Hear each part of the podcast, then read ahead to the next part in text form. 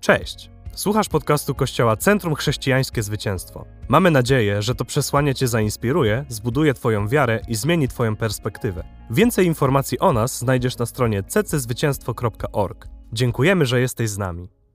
Wiecie, dzisiaj e, chcę podsumować e, serię nauczań e, na temat kahal, czyli to jest hebrajskie słowo, które określa kościół, zgromadzenie.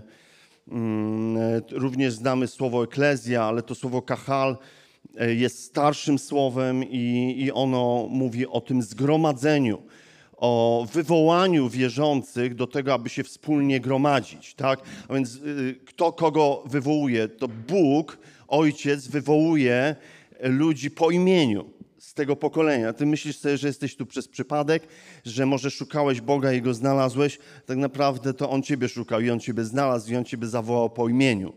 I On ciebie wezwał, abyś był w zgromadzeniu, gdzie możemy razem uwielbiać Go i czasami wyruszyć na wojnę. Wie- y, Jak patrzę sobie nawet na historię Izraela, Bóg wywołał 12 pokoleń e, z tego miejsca, w którym żyli.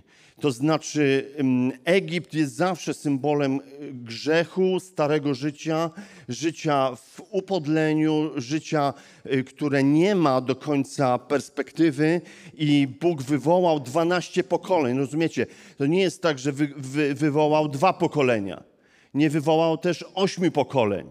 Wywołał dwanaście pokoleń razem, aby byli wokół Jego obecności i jak będzie, i żeby byli razem z Nim i ewentualnie jak przyjdzie potrzeba, żeby wyruszyli na wojnę, żeby, żeby uczestniczyli w wojnie. Więc zobaczcie, że to jest niezwykle y, ważny obraz dla Kościoła, em, bo też musimy sobie odpowiadać na to pytanie, czy my, gdzie, na jaką wojnę my wyruszamy.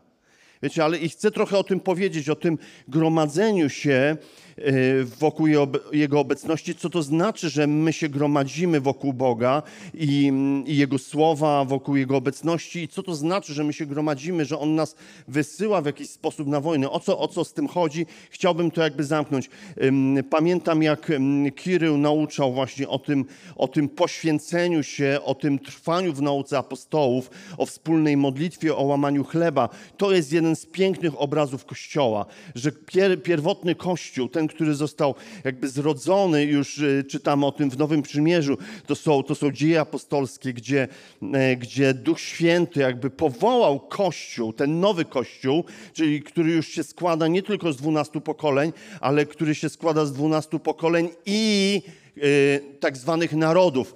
Y, Niektóre przekłady tak nieładnie mówią o nas, że to poganie, pogańskie narody weszły do kościoła, weszły do, do tej rodziny Bożej, ale to wiecie, to e, nie chodzi o nazwę, chodzi o to, że jesteśmy też spośród narodów i to był od początku plan Boga, żeby połączyć jednych i drugich.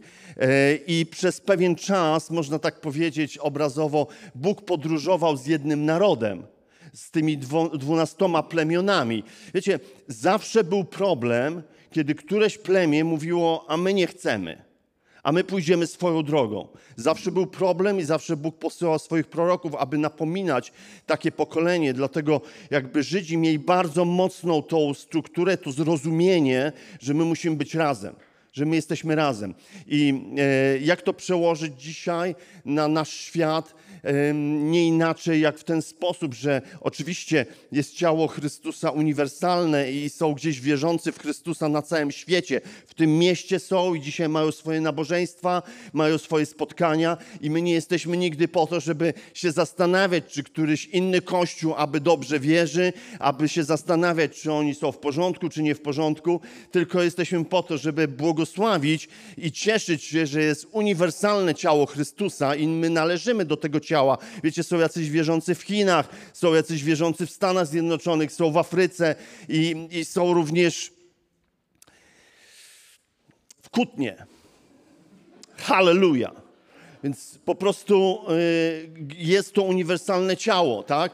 Natomiast, natomiast y, też jesteśmy zaproszeni do tego, żeby być w lokalnym ciele, w tym takim wymiarze wspólnotowym, że jesteśmy razem w lokalnym kościele, w danym miejscu i nawzajem możemy siebie błogosławić. Jesteśmy tak naprawdę powołani do, do kościoła. Jeżeli jesteś częścią tego kościoła, jesteś powołany do tego kościoła, jesteś powołany, żeby odkryć swoje dary i zacząć służyć tymi darami. Dlatego, kiedy my mówimy o wolontariacie, to nie mówimy tak, wiecie, sorry, jesteśmy taką fundacją, stowarzyszeniem, potrzebujemy wolontariuszy, żeby ktoś coś zrobił. Nie, przez wolontariat my chcemy ludzi nauczyć, że tak naprawdę, wiecie, y, to jest przesłanie o tym, że musisz się poświęcić. Że Kościół, y, ten kachal, to nie jest o tym, że przychodzisz i korzystasz. Jest czas, że korzystasz. Tak? Bo to jest tak, ja myślę sobie trochę tak, wiecie, bo to jest, cały czas mówimy, Kościół to jest sytuacja rodzinna. To nie jest biznes, to nie jest korporacja, to nie jest firma, że Przyjdź tutaj, przesuń się tu, usiądź tu, zrób to, zrób tamto. Wiecie, to jest rodzina. Więc mówimy trochę sobie o tym, że, że jakby w obecności Ojca my możemy doświadczać różnych bardzo dobrych rzeczy, bardzo głębokich i uczymy się tego poświęcenia, e, tego odkrywania swojego powołania, tego, że jesteśmy dla innych, że, że możemy coś wnieść. Nie, nie, ja nic nie mam. Masz masz coś, co możesz wnieść dla innych, możesz być błogosławieństwem, czy to są jakieś rzeczy naturalne, czy to są talenty naturalne, czy to są po prostu duchowe rzeczy, gdzie możesz przynieść, to nigdy nie jest dla ciebie. Tak do końca, to właściwie może w ogóle to nie jest dla ciebie. Jesteś tylko nośnikiem pewnych rzeczy. Jesteś nośnikiem, pomyśl sobie, jest, ja jestem nośnikiem pewnych talentów dla innych. Ja jestem nośnikiem pewnego daru dla innych. Ja jestem nośnikiem, ja przeka mogę przekazać coś. Ja mogę wziąć coś od Boga, po prostu przyjąć to coś, co On ma dla mnie, odkryć to i potem służyć tym. To, to, to jest jakby zamysł. Um, dlatego.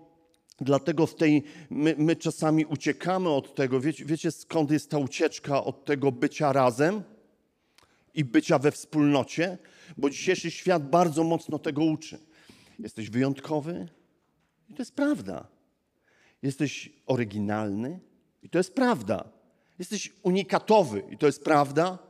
Jesteś indywidualny i to jest prawda. Ale Bożym zamysłem też jest to, aby połączyć tych różnych ludzi i zrobić coś jeszcze piękniejszego.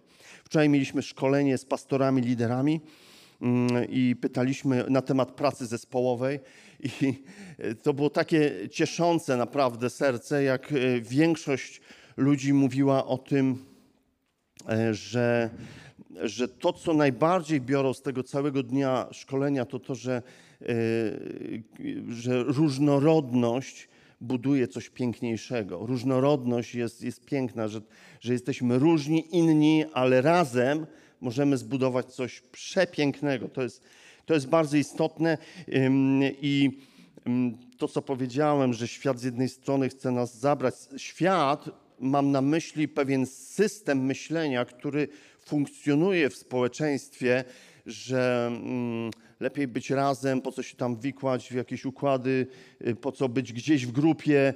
Nawet jest ta opinia, y, tam gdzie y, grupa jest głupia, stado owiec jest głupie. Ale powiem wam, że Bóg kocha stado. Jeżeli On mówi, że Jezus jest pasterzem, i, a że my jesteśmy owcami z Jego owczarni, to wiecie, to jak my zaczniemy tak myśleć, no niby tutaj jesteśmy owczarnią, jesteśmy stadem owiec, Jezus jest naszym pasterzem i zaczniemy przyjmować ten, ten sposób myślenia, że stado jest głupie, że stado nie ma swojego zdania, że stado zawsze idzie w jakąś głupią stronę i, i le, lepiej być poza stadem, wtedy jestem mądry, jestem sobą, e, jestem unikatowy i tak dalej, i tak dalej. Wiecie, myślę sobie, że e, nie możemy mylić tych rzeczy. Musimy mocno się wkopać w słowo, czytać to, myśleć o tym. Nigdy nie jest tak, że, że w jakikolwiek sposób ja mogę ci wykręcić rękę, czy ktokolwiek nie ma prawa wykręcić ci ręki, że na zasadzie a, a, musisz być w kościele. Ja myślę, że jesteś zobligowany do tego, żeby czytać słowo, kochać słowo i uczyć się tego posłuszeństwa tutaj. Rozumiecie? Ja, ja, ale mówię o czymś bardzo mocno, bo chcę, żeby brzmiał, tak jak rozmawialiśmy z Kiryłem, z innymi liderami, kiedy będziemy nauczać o, o Kościele, ja mówię, chcę, żeby wybrzmiał bardzo mocno apostolski dźwięk. Nie tylko nauczycielski, nie tylko chce przynieść Ci informacje, ale chce przynieść zmianę do Twojego życia.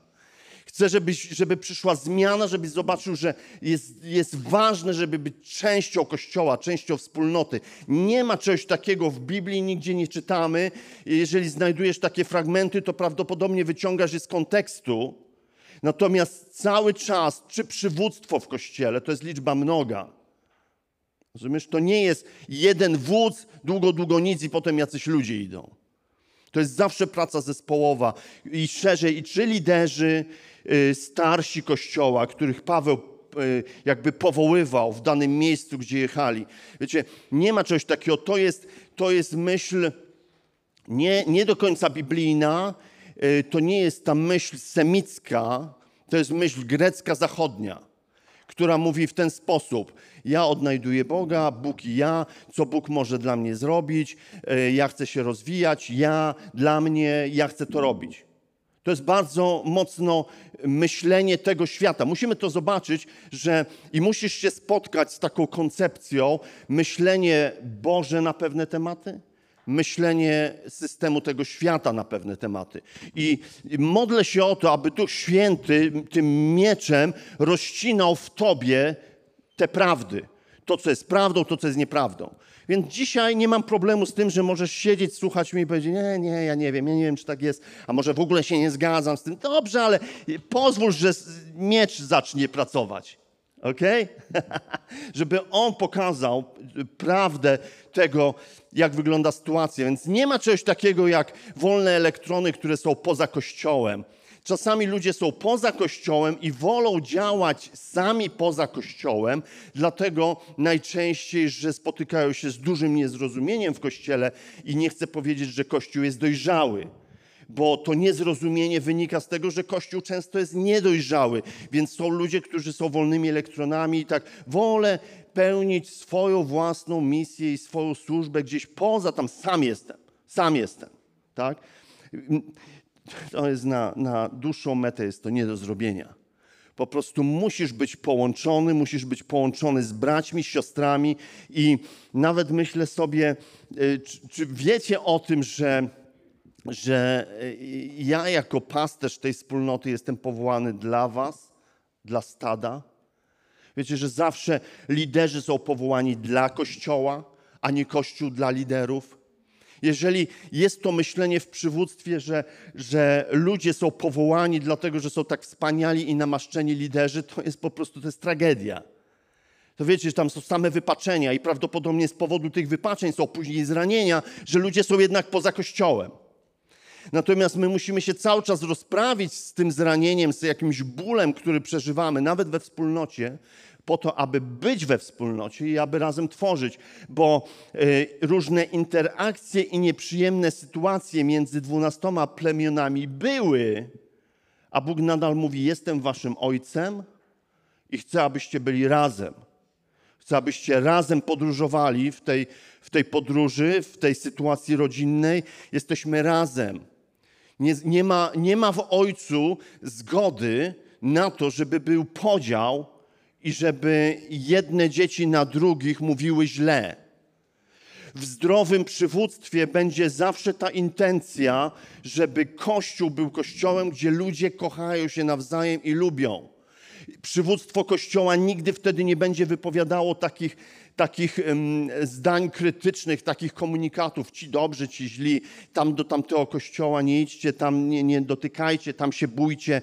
Wiecie, a z drugiej strony musimy zobaczyć, wiecie, bo nawet dzisiaj jest taki świat tak skonstruowany, że my możemy przesłuchać mnóstwo, mnóstwo nauczań w internecie i to jest y, z jednej strony ogromne błogosławieństwo, kiedy możemy posłuchać naprawdę mądrych treści, mądrych nauczycieli, mądrych, mądrych y, y, kaznodziejów, którzy po prostu głoszą dobrze słowo, a z drugiej strony jest masa bałaganu i masa zamieszania. I tak naprawdę możemy być, y, słuchając zbyt dużo, może się okazać, że mm, y, dostarczana nam jest informacja. Dostarczana nam jest informacja. Jesteśmy sami gdzieś, słuchamy sobie i zdobywamy informacje. Ta informacja nam się wypełnia naszą, naszą głowę, my wiemy coraz więcej. A w sytuacji rodzinnej nigdy nie chodziło o to, żeby wiedzieć coraz więcej, tylko żeby wiedzieć, umieć to zrobić i mieć fajną postawę w tym i motywację, żeby kochać siebie nawzajem, żeby uczyć, żeby wdrożyć to, czego się nauczyłem. Wiesz, jak jesteś sam, nic nie wdrożysz. Mało tego, jak jesteś sam, to możesz niechcąco pomyśleć, że jesteś naprawdę świetny. Nie wiem, czy wy tak macie, ja tak czasami mam. Jak za, za długo nie spotykam ludzi i sobie tak przebywam tylko z Bogiem, kocham Cię Boże. O, twoje słowo jest cudowne. Ja sobie czytam, czytam i wszystko rozumiem. Czy ja muszę iść do kogoś, kto tego nie rozumie? Czy ja muszę się spotkać i tłumaczyć komuś coś? Nie, po prostu ja jestem świetny, bo czytam i naprawdę jest ekstra.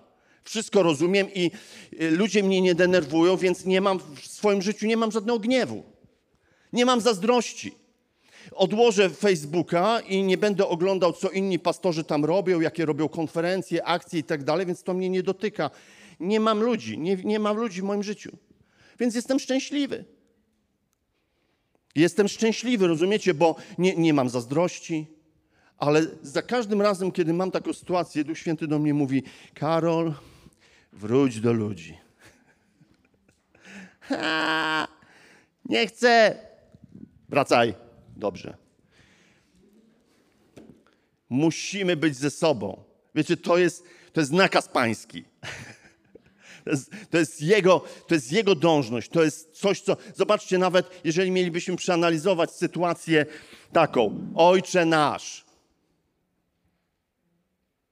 Nie mój. On jest mój, ale jest nasz. Ojcze nasz, który jesteś w niebie. Ojcze nasz, to jest nasz ojciec. Ojciec się nigdy nie zgodzi na to, żeby dziecko było poza rodziną. Dlatego ci, którzy słuchają nas online, to, to co mogę zrobić, będę Cię zachęcał.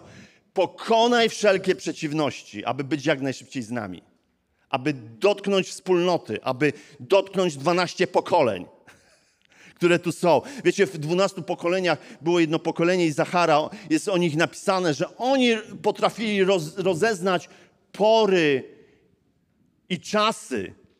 To znaczy, że oni nosili pewne szczególne namaszczenie prorocze. Oni rozumieli, co się może wydarzyć, co przychodzi, jaki czas przychodzi. Wiecie, Kościół potrzebuje tego, tego wglądu proroczego. I teraz pokolenie Izachara mówi: Mamy tego dosyć po prostu. Pójdziemy gdzie indziej. Nie będzie nas tu w ogóle. Wiecie, i my tracimy jako ciało. My tracimy. Jest, są, są inne pokolenia w tym miejscu, które coś potrafią, które coś wnoszą. Jest szczególne namaszczenie, namaszczenie, czyli jest jakby szczególna Boża obecność nad pewnymi ludźmi, którzy potrafią coś zrobić. Wiesz, powiem tak, jest pewne szczególne, jest, jest szczególne namaszczenie nad Twoim życiem. Namaszczenie, czyli to jest, to, to jest ten obraz, kiedy e, kiedy e, Dawid został namaszczony na króla, po prostu przyszedł prorok i wycisnął nad nim gąbkę z oliwą. I był cały umazany w oliwie, co jest symbolem obecności Ducha Świętego, rozumiesz? Każdy z nas ma, każdy z nas ma inną miarę. Ja, nie, nie, z nikim nie musisz się porównywać.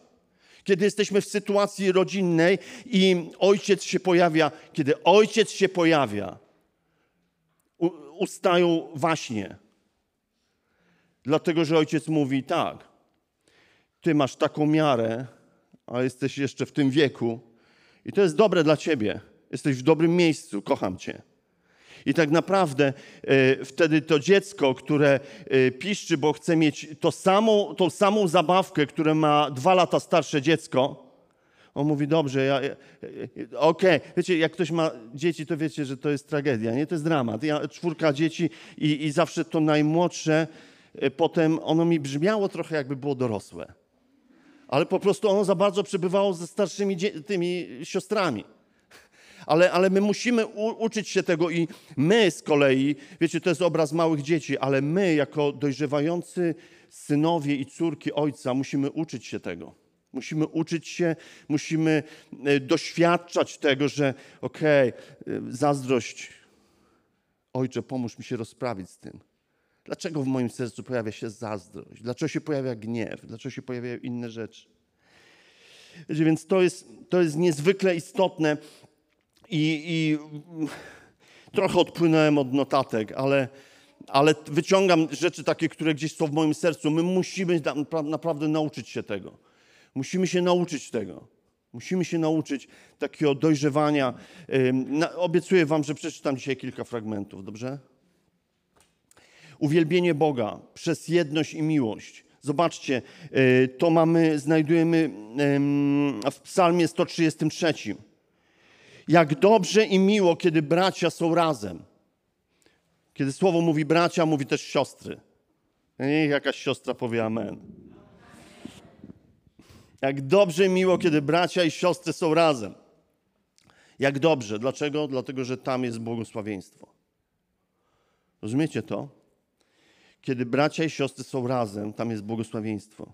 Wiecie, to jest niesamowita moc y, jedności i miłości, to jest błogosławieństwo. Ale też obok, obok miłości, jedności i obok tego błogosławieństwa, które jest wylane przez Ojca na, na y, wspólnotę ludzi, która, y, która jest razem i która lubi siebie nawzajem, kocha się nawzajem i, y, i chce podróżować razem, służyć sobie nawzajem, y, pomaga sobie nawzajem i tak dalej. Y, kiedy komuś idzie źle, to y, się pochylamy nad tą osobą, której idzie źle.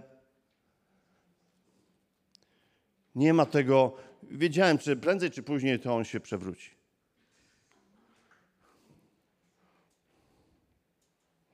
Gdyby tylko posłuchała mojej rady, to by na pewno było wszystko dobrze, ale rozumiecie, że nie posłuchała. Jeżeli mamy te wszystkie odpowiedzi, mamy te fatalne rady dla, dla siebie nawzajem. A e, pozwólmy, aby tutaj rozprzestrzeniało się e, myślenie Ojca. Ojca, który jest w niebie, naszego taty. Aby pojawiało się Jego myślenie na temat wspólnoty. Że, że e, jestem w stanie podróżować z ludźmi, którzy mają brud w życiu.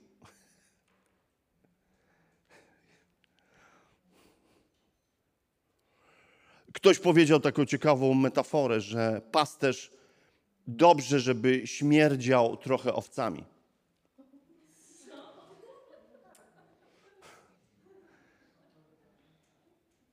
Wiecie, jak, jak pachną owce?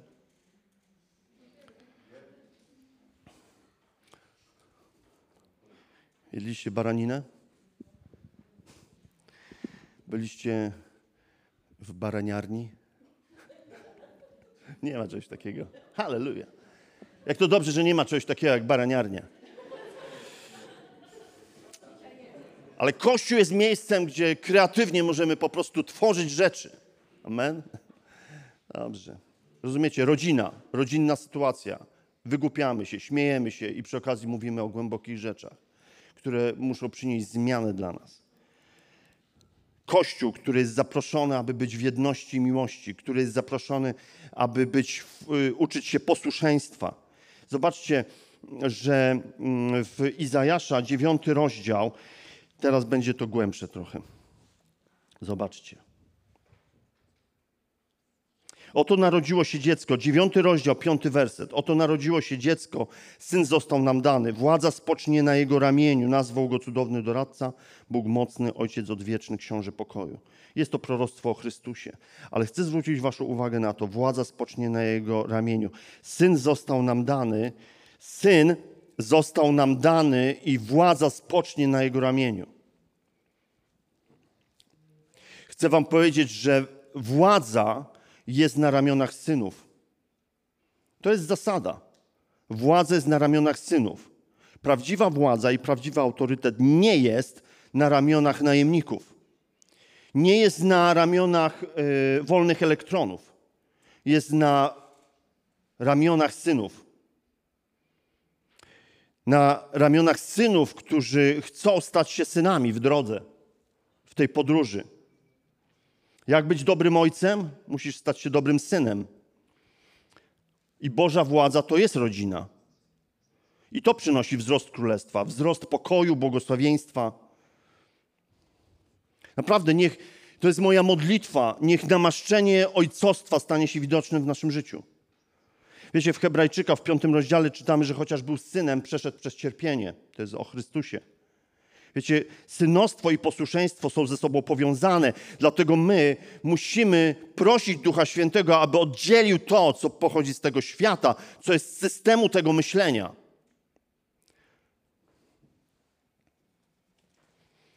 A co jest Jego zamysłem i Jego, jego mądrością, Jego sercem.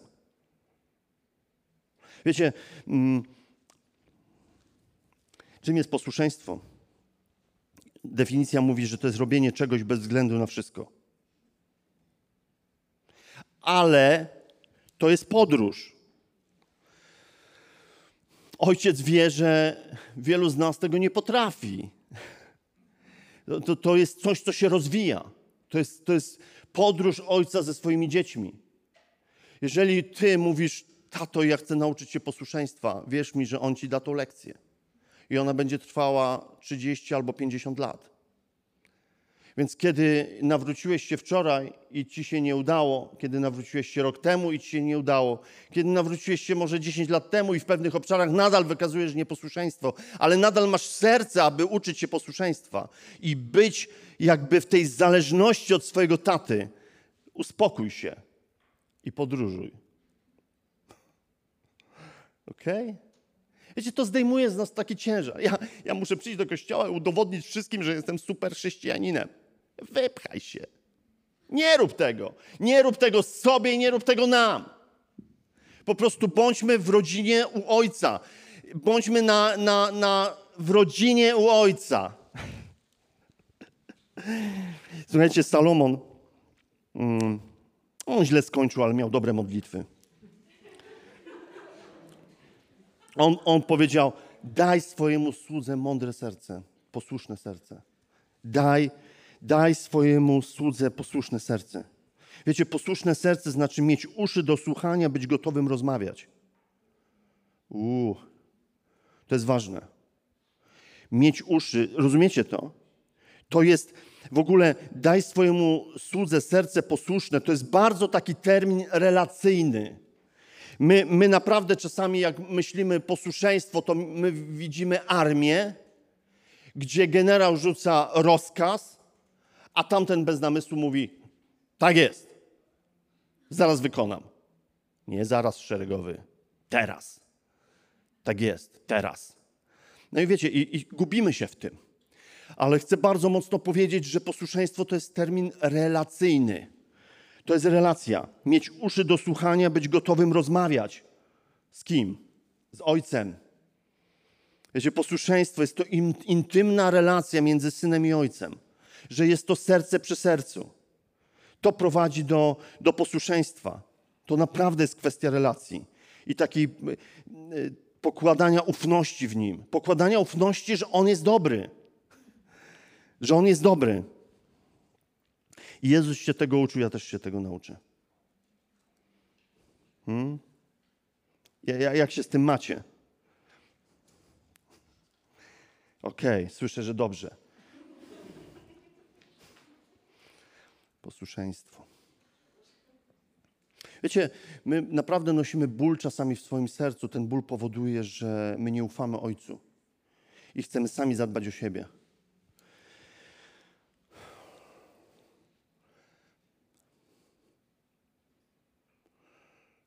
Ja nie mam, ja nie, nie wiem, co z tym zrobić, z tą prawdą. Ja po prostu ją tylko chcę powiedzieć.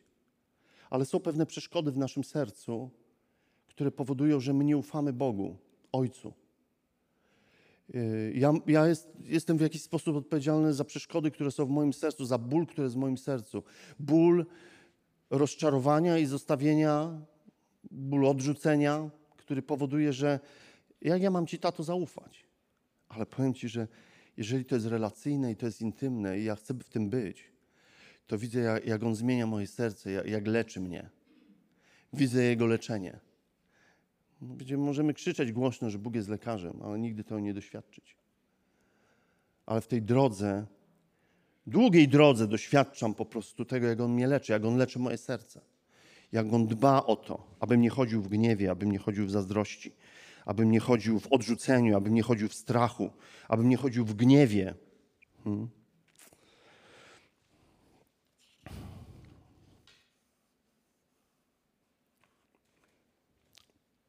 I to tak jest, że jeżeli się nie rozprawimy z tymi rzeczami złymi, to one będą rosły.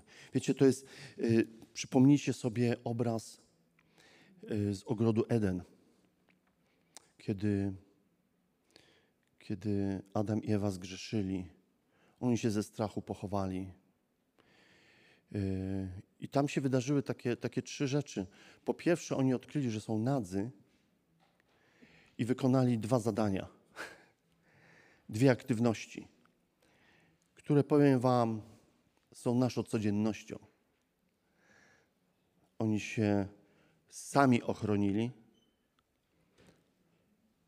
i oni się sami zaopatrzyli. Znaleźli sobie listki figowe. Oni się sami zaopatrzyli, sami się ochronili. Wiecie, to jest, to jest syndrom grzechu. Jest złamana relacja z Ojcem, Dlatego nie mogę Ci ufać. Czasami my jesteśmy wierzącymi ludźmi przez lata i cały czas jednak to my siebie chronimy, my siebie zaopatrzamy.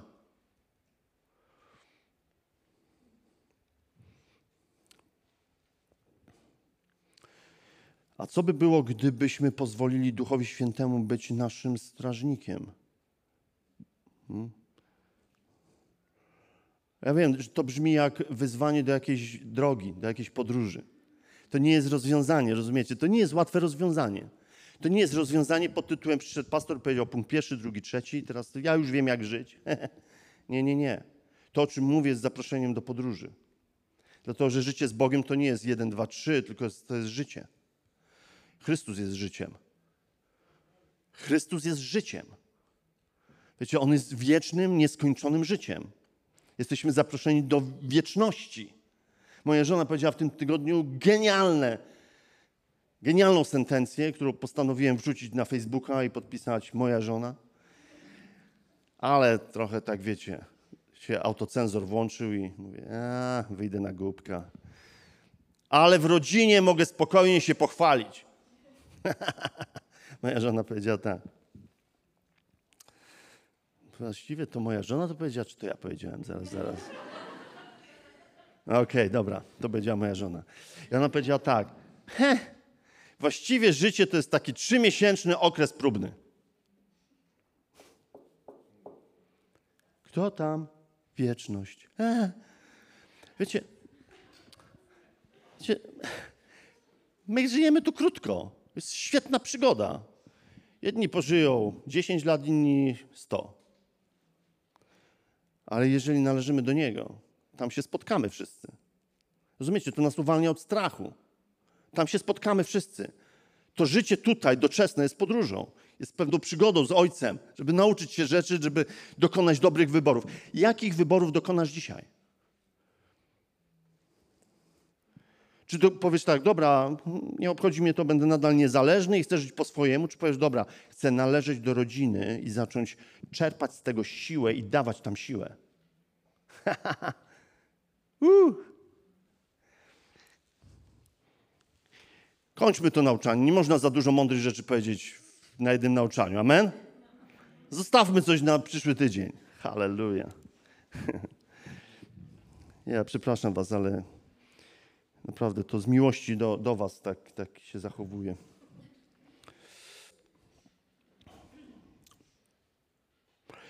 Na koniec przeczytam wam dwa fragmenty. List do Koryntian czytamy w ten sposób. Trzeci rozdział, szesnasty werset. Czyżbyście nie wiedzieli, że razem, jako lokalna społeczność wierzących, jesteście świątynią Boga i że Duch Boży zamieszkuje pośród was? A gdyby ktoś okazał się niszczycielem tej świątyni, sam zostanie zniszczony przez Boga. I nie zapominajcie, że Boża świątynia, którą razem stanowicie, musi być święta. Ona nie może być skalana grzechem.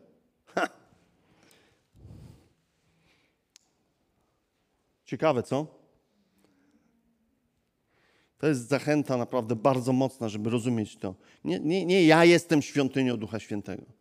Ja jestem też świątynią Ducha Świętego, ale to my jesteśmy świątynią Ducha Świętego. To my, my jesteśmy świątynią Ducha Świętego. To, to my jesteśmy tym, tym miejscem, gdzie jesteśmy wokół Jego obecności, wokół Jego słowa, przemieniani na Jego obraz. I, i dojrzewamy do tego. Wiecie, ja, ja nie lubię mówić, że że dojrzali synowie, ja lubię to, to dojrzewający synowie. To oznacza jakąś drogę, jakiś proces. Każdy z Was dzisiaj, kto jest narodzony na nowo, oddał swoje życie Bogu, zaczyna dojrzewać jako syn, jako córka w Jego domu. I to jest piękna przygoda. Polecam. Karol Michalek.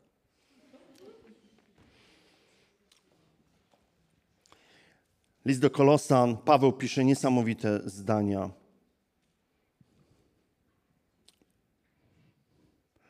Pisze o Chrystusie w ten sposób. Na nim to wzoruje się w wytrwałym znoszeniu cierpień dla korzyści wszystkich wierzących.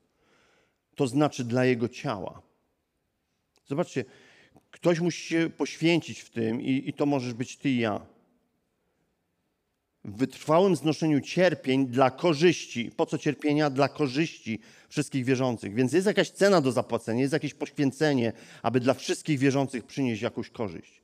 To jest to, y, tej to społeczności sługą stałem się zgodnie z otrzymanym od Boga zadaniem, aby ujawnić wszystkim Jego postanowienie, ową wielką tajemnicę, która przez wieki i pokolenia była zakryta, a ujawniona została dopiero teraz ludowi do Niego należącemu. Zechciał bowiem Bóg, aby w końcu stało się widoczne, na czym polega tajemnica niezmierzonego bogactwa, Jego chwały także pośród nie-Żydów, a jest nią Chrystus w was nie Chrystus w tobie, ale Chrystus w was. I zobaczcie, to jest znowu połączenie. Naród żydowski, który oddał życie Chrystusowi, i to byli uczniowie Pana spośród narodu żydowskiego i spośród nieżydów. Jeden kościół, jedno zgromadzenie wywołanych ludzi po imieniu. I Paweł mówi o tej chwale, która jest, że rozumiemy, że Chrystus jest w nas jedyna nadzieja przyszłej chwały. To Jego ogłaszamy, przekonując każdego człowieka i każdego pouczając całą mądrością, aby stał się dojrzały w Chrystusie. Ha. To było, to było posłannictwo Pawła, aby każdy stał się dojrzały w Chrystusie. No i do tego zmierzamy, tego chcemy, tego pragniemy w Kościele, tego się uczymy yy, i i po prostu to jest jakby, to, to jest nasze marzenie. Chcemy odkrywać tą prawdę i y, Słowa Bożego, która jest, y, gdzie odkrywamy, czym jest Kościół. Tak? I I niech będzie w tym coraz więcej takiego ojcostwa i takiego rodzinnego charakteru. Wiecie, to nie ma znaczenia. Możemy urosnąć jako Kościół do 200 osób, do 500 osób. Może potem y, podzielimy się i założymy kościoły w innych miejscach. Wyślemy tam zdrowe, fajne zespoły, które będą po prostu kochały Pana i będą, ci ludzie będą się kochać nawzajem, będą lubić się i będą wzorem, będą świadectwem dla innych, mm, że, że po prostu Bóg jest pośród nich. Amen. Że nie będzie tego sekciarstwa takiego, że my jesteśmy dobrzy, a inni są źli. Niech nigdy tego nie będzie. Amen. Amen. Amen. Dziękujemy, że byłeś z nami. Mamy nadzieję, że ten odcinek Cię zainspirował. Pamiętaj, że możesz odwiedzić nas w każdą niedzielę. Więcej informacji i podcastów znajdziesz na naszej stronie cczwycięstwo.org. Zapraszamy.